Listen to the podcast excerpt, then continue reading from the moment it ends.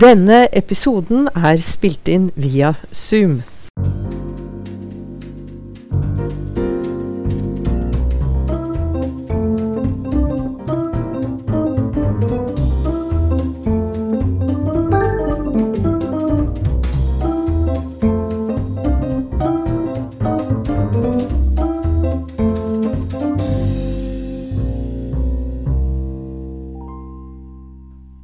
Navn er Berit Reiss-Andersen, og jeg er programleder for Advokatforeningens podkast Fri prosedyre.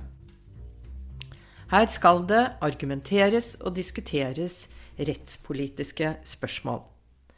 Rettspolitikk er viktigere enn du kanskje tror. Lov og rett styrer vesentlige deler av samfunnet og livet ditt. I hver podkast tar vi for oss et nytt tema i samtale med en person som brenner for akkurat dette emnet. Etter samtalen håper jeg at du har blitt litt klokere og lært litt om juss i et samfunnsperspektiv. I dag skal vi snakke om eh, kunstig intelligens er en fare for rettssikkerheten.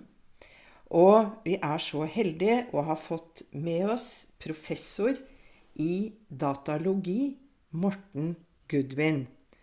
Også forfatter av boken AI myten om maskinene.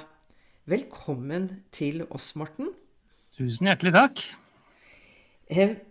Det første spørsmålet jeg har, er et eh, spørsmål som du har brukt en hel bok på å forklare. Men kan du sammenfatte hva er myten om maskinene? Ja, Et godt spørsmål. og Det er jo selvfølgelig mange myter om kunstig intelligens. Det er en veldig myteomspunnet teknologi. Den største myten da, det nok, handler nok om hva kunstig intelligens er for noe. For det mange tenker på kunstig intelligens som noe nesten litt magisk. Noen roboter som er litt sånn bevissthet, Terminator-type ting. Men kunstig intelligens det er dataprogrammer som bare er bygget opp på en litt spesiell måte. Så den største myten rundt kunstig intelligens er rett og slett at dette er dataprogrammer som eh, er ofte trent opp. Så i motsetning til menneskelig intelligens, så kan ikke dataprogrammer tenke selv? Ja, Det spørs jo litt hvordan du definerer tenke, da. Eh, men jeg vil jo si at de ikke kan det. Så en den formelle definisjonen på kunstig intelligens det er intelligent oppførsel i kunstig materie. Og altså i, i en robot eller dataprogram eller noe. Og intelligent oppførsel defineres da som kompleks problemløsning. Det er litt vanskelig å si, da. Men poenget er da hvis man gjør noe litt vanskelig i datamaskin, spiller et spill eller gjør noe avansert rettsavgjørelse som liksom regnes som kompleks, og det gjøres av en robot eller dataprogram, så er det kunstig intelligens. Og de færreste vil jo kalle det å tenke, for det er noe vi mennesker gjør.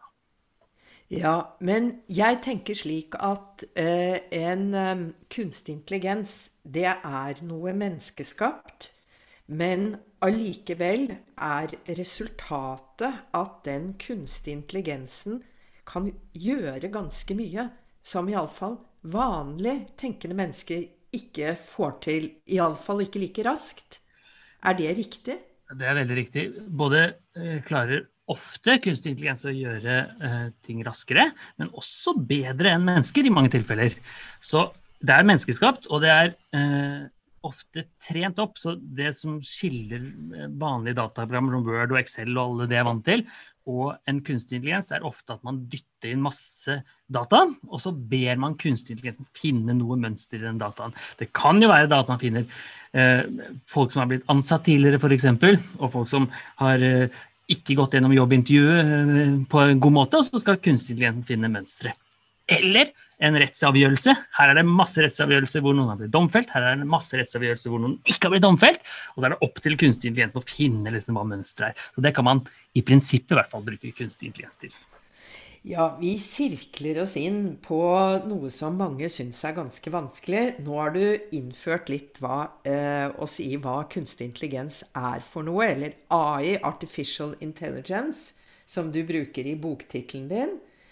Eh, og så skal vi sirkle oss inn på hovedspørsmålet om kunstig intelligens kan være en fare for rettssikkerheten. Og vi jurister vi er ikke så glad i ja- og nei-spørsmål.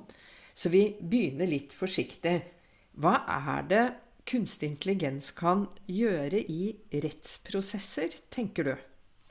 Ja, jeg tror mulighetene for kunstig intelligens er egentlig ganske mye, ganske store i rettsprosesser. Eh, og, og, grunnen til det er at man kan trene de opp. F.eks. kan man eh, bruke det eh, som en, eh, et litt lavterskeltilbud for noen som skal få hjelp til å lese noen kontrakter eller noe sånt. Eller det kan være som et støttesystem i noen saker, f.eks. barnefordelingssaker. Her er det liksom noen som skal hjelpe til.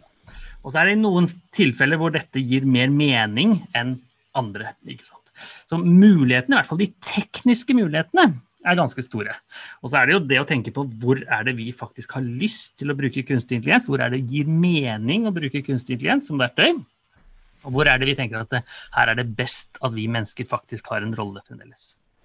Ja, vi kan jo tenke oss Jeg forsnakket meg litt i sted. Jeg sa rettsprosesser, og da mener man stort sett rettergang og rettssaker. Men jeg mente egentlig å si noe litt bredere rettslige prosesser. Altså de ordene, man må være nøye med dem. Ja. Men rettslige prosesser Vi har jo utallige rettsavgjørelser i norsk offentlighet, altså i forvaltningen, f.eks. For mhm. Skatteetaten eh, og Nav. Eh, Nav handler jo om alt fra om vi skal få alderstrygd, ledighetstrygd, arbeidsavklaringspenger, pappapermpenger og mammapermpenger og jeg vet ikke hva. Er det forsvarlig eh, å la en kunstig intelligens ta, fatte disse vedtakene? Så I stor grad så er det forsvarlig. For det kunstig intelligens i, i, mange tilfeller kan ta veldig gode avgjørelser. Og den har jo ikke noen fordommer, for eksempel, sånn som vi mennesker har. Ingen, de har ikke vokst opp sånn som vi er vokst opp. De har ikke sett de samme tingene på TV, de har ikke opplevd det samme. Så det er, vil jo ikke ha noen eh, fordommer om en etnisitet, f.eks., eller en, et kjønn, eller noe sånt, som det hender at vi mennesker dessverre har. Sånn sett så er det eh, veldig forsvarlig. Så er det noen grunner til at, det, at vi kanskje ikke bør bare gå all in med kunstig intelligens overalt i slike avgjørelser. La meg høre hvilke betenkeligheter det er. Så en av grunnene da, så Til tross for at det viser seg at de er veldig veldig gode, så er, eh, viser det seg også at det å få forklaring på avgjørelsene er veldig vanskelig. Så hvis jeg spør om en eh, søknad, hvis jeg søker Nav om pappapermisjon f.eks., og så sier kunstig intelligens ja, ja, her er avgjørelsen til deg. og den, er, den, kan være riktig, den, eller den kan være veldig god. Eh, eller hvis jeg får avslag, så kan det også være riktig avgjørelse. Men hvis jeg skal spørre hvorfor fikk jeg avslag, hva er grunnen til dette, så er det i dag veldig vanskelig i kunstig intelligens. Så I prinsippet er det mulig, for det er mye matematikk og sånn som man kan følge, men det er så mange parametere, som vi sier i disse kunstige tjenestene, trillioner av de, millioner, milliarder trillioner av de, at for alle praktiske formål ikke kan forklare avgjørelsen for seg. Nå er du inne på noe kjempeviktig, for rettssikkerhet er ikke bare et luftig begrep. Det har en del konkrete komponenter. En av dem er nettopp um, kravet til begrunnelse. At man forstår hvorfor og på hvilket grunnlag noen, noe avgjøres. Mm. Uh, og det er du da betenkt eh, med hensyn til. Uh, så er det et annet element. Det er at den som tar en avgjørelse, skal stå til ansvar. Altså man skal vite hvem har tatt avgjørelsen, på hvilket grunnlag. Og den som har gjort noe feil, kan overprøves eller på annen måte stå til ansvar. Eh, det er vel kanskje en utfordring hvis vi tenker oss en ny Nav-skandale, da. Mm. Hvor eh, vedtakene var fattet av kunstig intelligens. Nå har det kanskje vært veldig vanskelig å finne hvem som er ansvarlig med menneskelig intelligens. Men hvem ville ha ansvaret da? De som har programmert eh, robotene? Så det, det, er et vanskelig spørsmål. Hvem er det som har ansvaret? Hvem er det som har ansvaret hvis bilen går i stykker og du krasjer, f.eks.? Er det sjåføren? Hvem er det som har ansvaret hvis du faller i rulletrappa for den gjør noe feil? Er det den som har bygget rulletrappa? Så det er mye sånne som ikke er helt klart. Eh, men vi kan jo er, Til en viss grad, eller til stor grad, så er jo de som bruker kunstig intelligensen ansvarlig for den. For det er vi mennesker som bestemmer hva slags data som skal dyttes inn. Eh, og den trenes opp med. Så hvis, hvis du eller jeg trener en kunstig intelligens som f.eks. Eh, håndterer og behandler menn ulikt fra kvinner, som man da ikke vil, så er det jo vi som har dytta inn disse fordomsfulle dataene inn i kunstig intelligensen, og det er den type trender som dukker opp. Ja. Og, på, og, jeg syns også eh, at bedrifter eller offentlig forvaltning som bruker kunstig intelligens, også eh, kan, bør stå til rette for bruken av det og ha ansvaret for det, fordi de kan empirisk teste disse algoritmene algoritmene, dataprogrammene. Så man kan f.eks. i en Nav-setting, hvis man ser det, eh, eh, dytte inn noen med tradisjonell norsk etnisitet, og så kan man bytte ut etnisiteten på personen, og så skal avgjørelsen være akkurat lik. Og hvis den ikke er det, så hvis jeg, er, jeg får en annen avgjørelse enn som har et utenlandsk navn, f.eks., så er det noe galt med kunstig intelligensen. Og det kan man teste. Som en, nesten som en svart boks, man bare spør. Og det er en fordel for dataprogrammene, for det er litt vanskeligere for oss mennesker. Så jeg kan ikke spørre deg vil du behandle han likt han, for svaret ditt er jo sånn menneskelig type, da.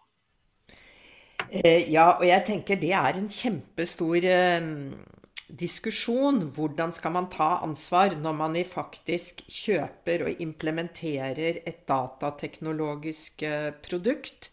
Men du har gjort oss litt klokere ved å påpeke hva kan utfordringene være? Man kan jo tenke seg at det er eh, levert med en garanti mot eh, etniske fordommer, og så er ikke den garantien der allikevel. Så man kan lage mange eksempler.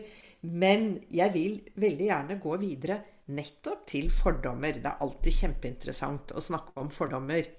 Eh, og jeg har hørt en historie hvor man anvendte et sted i USA kunstig intelligens for å vurdere prøveløslatelse av innsatte. Og så hadde man på eh, Du sier at eh, kunstig intelligens er uten fordommer. Men eh, man hadde ikke korrigert for etnisitet, og åpenbart eh, bare sett på empirisk materiale. Hvem er eh, mest representert i fangebefolkning og blant kriminelle? Resultatet ble at alle eh, med mørk hud fikk avslag på prøveløslatelse. Hvordan er det med den der eh, fordomsfrie kunstig intelligensen, eh, Morten? Ja, det er, helt rett. Så det, Du forteller en veldig interessant historie, og den er jo godt kjent. I dette tilfellet så er det mye å si om det. For det første så er det jo dataene som er dyttet inn, er ikke fordomsfri. Så folk med ulik hudfarge ble behandlet ulikt. Så hvis det hadde vært sånn at disse ble behandlet likt, så ville ikke kunstig intelligensen hatt en fordom. Det som også er viktig å fordele her, det er at eh, de, de, som utviklet denne algoritmen, de forsøkte så godt de kunne å fjerne informasjon om etnisitet og hudfarge og sånt. De tenkte at hudfarge skal ikke bety noe i en avgjørelse som dette, så det tar vi bort. Men det kunstig intelligensen fant av mønster, var sånne ting som hvor du bor i byen, eh, hvor, om hva slags inntekt du har, og elementer som den så på som relevant, som sterkt korrelerer med hudfarge. Så hvis du har mørk hudfarge i USA, så er tendensen at du tjener litt mindre enn hvis du har lys hudfarge i USA. Så selv om de da forsøkte så godt de kunne å ikke ta med etnisitet, så fant kunstig intelligensen ut etnisiteten i stor grad. Og, og, det er litt av problemet, for den blir sånn kverulerende riktig, da. Så basert på den dataen vi dytter inn, så finner den et eller annet mønster, og det kan jo være et mønster som ikke vi har lyst til at den skal finne, men som man likevel plukker opp. Og det er jo problematisk når vi da ikke kan spørre hva er grunnen? Hva er, hvorfor ble den avgjørelsen som den var? Og det som også skjedde i det systemet, var at det ble brukt som en, det ble ikke, det ble brukt som en beslutningsstøttesystem. Altså, det var, Dommere fikk jo det som et forslag. ikke sant? Og så ble man ja. Eh, i valget av bedre litt lat etter hvert. For man, den hadde fungert eh, ni av ti ganger, og så velger man da liksom å stole på den også den gangen hvor den kanskje da ikke fungerer så godt som den skulle. Ja, jeg tror psykologer vil si veldig, har veldig mye å si om hvordan vi påvirkes av å få et forslag, et forslag til avgjørelse. Da er eh, løpet kjørt, tror jeg. Men um, du har sagt to veldig interessante ting. Um, at uh, dette er et forslag, altså kan brukes som et forslag, og at kunstig intelligens blir litt sånn kverulerende, insisterende. Eh, en sakstype som det går veldig mye av i norske domstoler, er jo familiesaker som gjelder spørsmål om barns rettsstilling, eh, hvor skal de bo, samværsrett med foreldre. Og det har jo noe til felles med det eksempelet vi nettopp snakket om, at ut ifra eh, hvordan folk har oppført seg tidligere, så skal man forutsi eller predikere hvordan vil de oppføre seg i fremtiden? Vil denne mor eller far være god nok for barnet? Vil denne mor eller far eh, slutte å drikke eller overholde samværsrett osv.? Ville du turt å slippe kunstig intelligens ut på et slikt saksforhold? Jeg ville i hvert fall trådd veldig varsomt der. Så Kunstig intelligens er veldig god på å predikere fremtidige hendelser. Altså finne mønster i historien som gjør at, for, at du forteller hvordan du kommer til å oppføre deg tilfellet. Men det må ligge noe i historien som forteller det. det, det kan, den kan ikke gjette at jeg begynner å drikke i morgen eller slutter å drikke i morgen. Det må liksom ligge et eller annet i historien som gjør at man finner et lignende mønster. Og eh, det skjønnet da, som vi mennesker har, det sitter liksom ikke inne i kunstig intelligens. Den, den, er som jeg sa i stad, kverulerende riktig og mangler det skjønnet vi har. og, det, og, det, å gjette at noen kommer til å oppføre seg helt annerledes i morgen, eh, det er veldig veldig vanskelig for kunstig intelligens. Så jeg tror jeg ville ventet litt med å dytte på en kunstig intelligens på et sånt, sånn type sak. Sånn type sak. Ja, for jeg tenker Det er jo noe med det. Å være dommer er jo en veldig sånn sammensatt klokskap. Eh, og vi mennesker har jo eh, elementer i vår beslutningspress som vi noen ganger kaller magefølelsen. Mm. Og ingen dommer vil tørre å si høyt at han eller hun bruker magefølelsen for en rettsavgjørelse. Men jeg vedder hodet mitt på at alle dommere har hatt et element av magefølelse i eh, beslutningsprosesser. For det eh, Mennesker kan jo ta ganske komplekse avgjørelser hvor vi både bruker logikk, hvor vi bruker eh, objektivisert læring, men også hvor vi anvender følelser og et bredt erfaringsgrunnlag. Jeg er eh, snart 67 år, og kan en eh, robot lære like mye om så mangfoldige livsforhold som en 67-åring som meg kan lære og har innabords? Ikke som deg, i hvert fall, tenker jeg. Men som noen kanskje. Så det, det Svaret er ja og nei. For det, kunstig intelligensen kan lære mye og lese mye. da, Lese mange dokumenter, dokumenter mye raskere enn hos mennesker. Men den klarer ikke å lære bortenfor det den har, det den leser. Så hvis den da skal f.eks. lese eh, dokumenter som har rettsavgjørelser i seg, så klarer den det. Kanskje tusenvis eller hundretusenvis av dokumenter veldig raskt. Og finne mm. ord som henger sammen osv. Og, så og det er veldig vanskelig. Det tar veldig lang tid da, for et menneske å gjøre det. Men, men, vi mennesker er jo så mye mer komplekse. Samfunnet er så komplekst. Det betyr så, det er så mye som spiller inn. og jeg er helt sikker på det også gjelder i, i rettsvesenet. Så jeg har egentlig mye mer tro på kunstig intelligens i kanskje de litt enklere sakene. Lese gjennom arbeidskontrakter, lese gjennom husleiekontrakter og den type ting. da, Litt sånn lavterskelbruk av uh, juridisk hjelp. Men det er kjempeinteressant, fordi lavterskeltilbud av juridisk hjelp det er en utfordring når vi snakker om rettssikkerhet. For rettssikkerhet er også det prinsippet at man skal ha adgang til domstolen. Access to court. Det er en garanti eh, gjennom eh, bl.a. Den europeiske menneskerettighetskonvensjon. Og eh, rettsråd gis stort sett av advokater, og advokater koster penger, ofte mange penger. Mm. kan du tenke deg at um, kunstig intelligens kan si noe mer til en person som trenger et råd om eh, Bør jeg inngå denne avtalen? Bør jeg vurdere eh, Er denne leiekontrakten riktig for meg?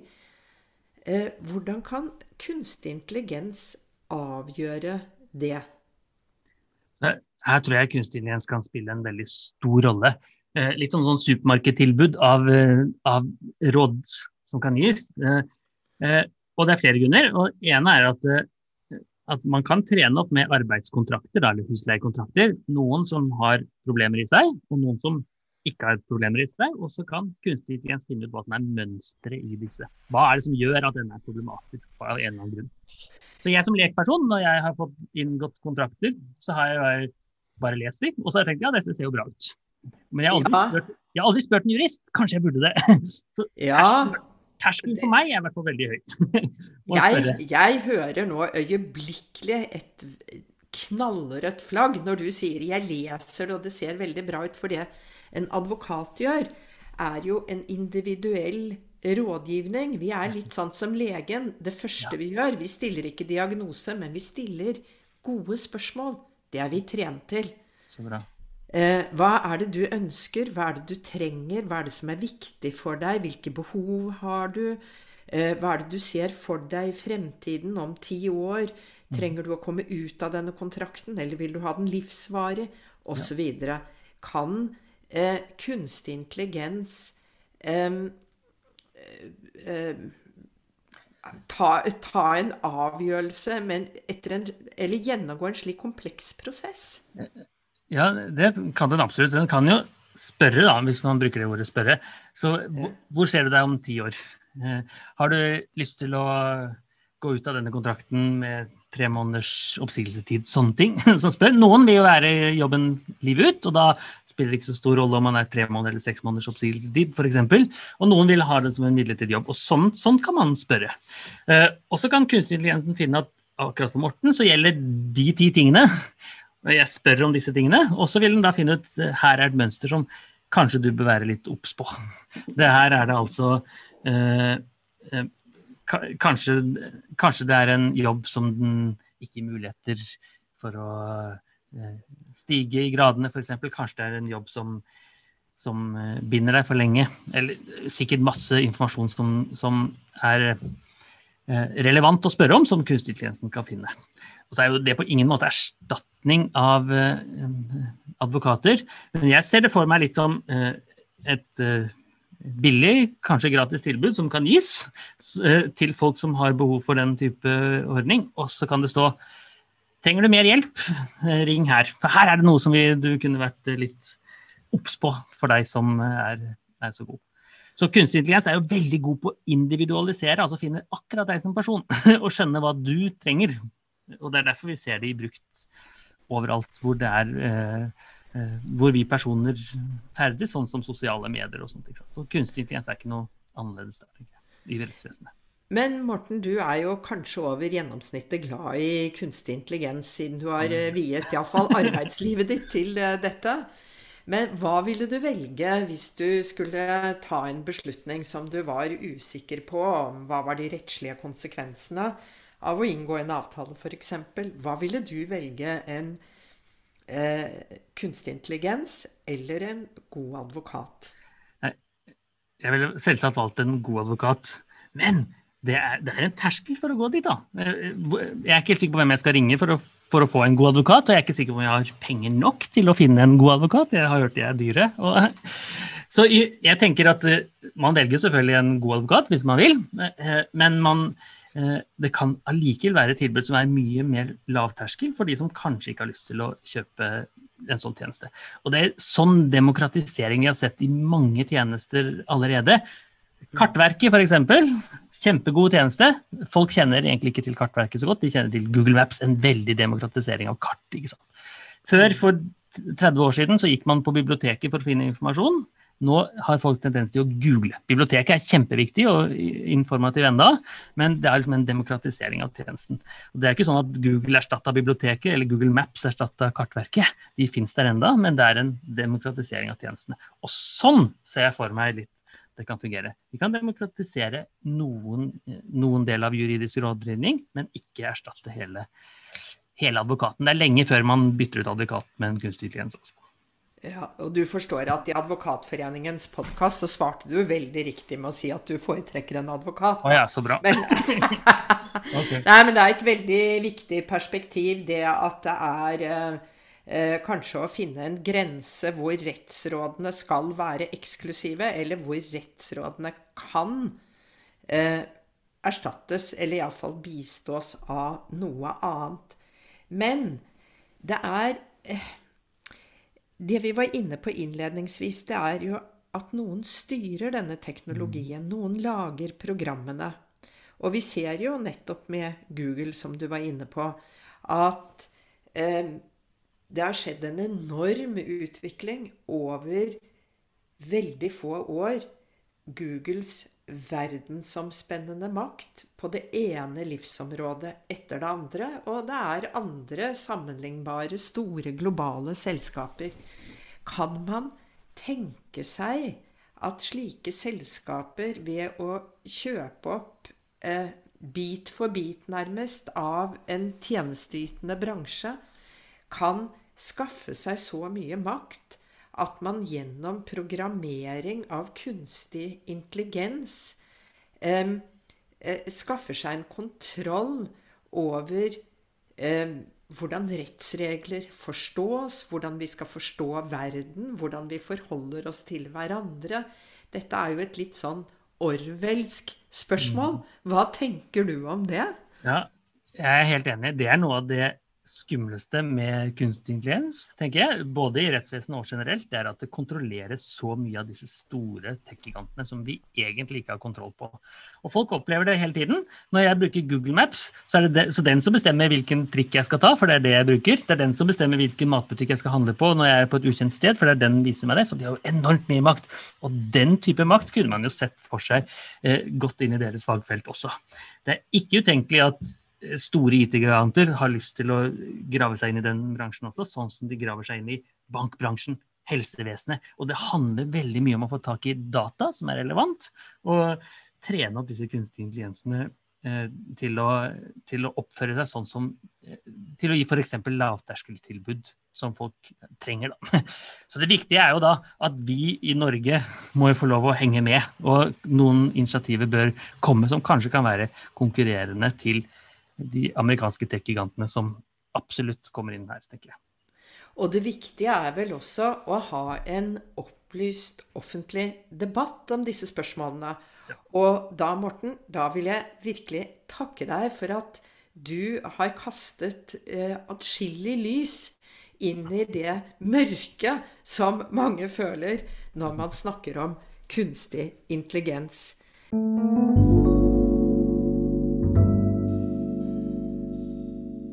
Før vi avslutter, så har jeg lyst til å spørre deg om du vil dele med våre lyttere et ord eller en setning som er betydningsfull for deg. Så da tror jeg jeg skal eh, dele et, et utsagn som eh, originalt kommer fra Roy Amara. Og det er et utsagn som sikkert mange har hørt før, men det er at vi har en tendens til å overvurdere teknologien på kort sikt, men undervurdere den på lang sikt. Og Det passer veldig godt her, tenker jeg. Vi har en tendens til å tenke på kunstig intelligens som gjør en enorm eh, inntog i f.eks. rettssystemet. Det kan hende det tar litt lengre tid, for det å utvikle ny teknologi tar tid. Men hvis man ser litt langt fram i tid, så er det helt sikkert at dette kommer til å dominere også deres fagfelt. Morten, tusen takk. Siste ordet var ditt, slik som det alltid er for en god prosedyreadvokat. Eh, takk skal du ha. Eh, til dere lyttere, det kommer flere podkaster. Eh, husk å abonnere på oss i iTunes eller der hvor du ellers har dine podkaster. Takk for i dag.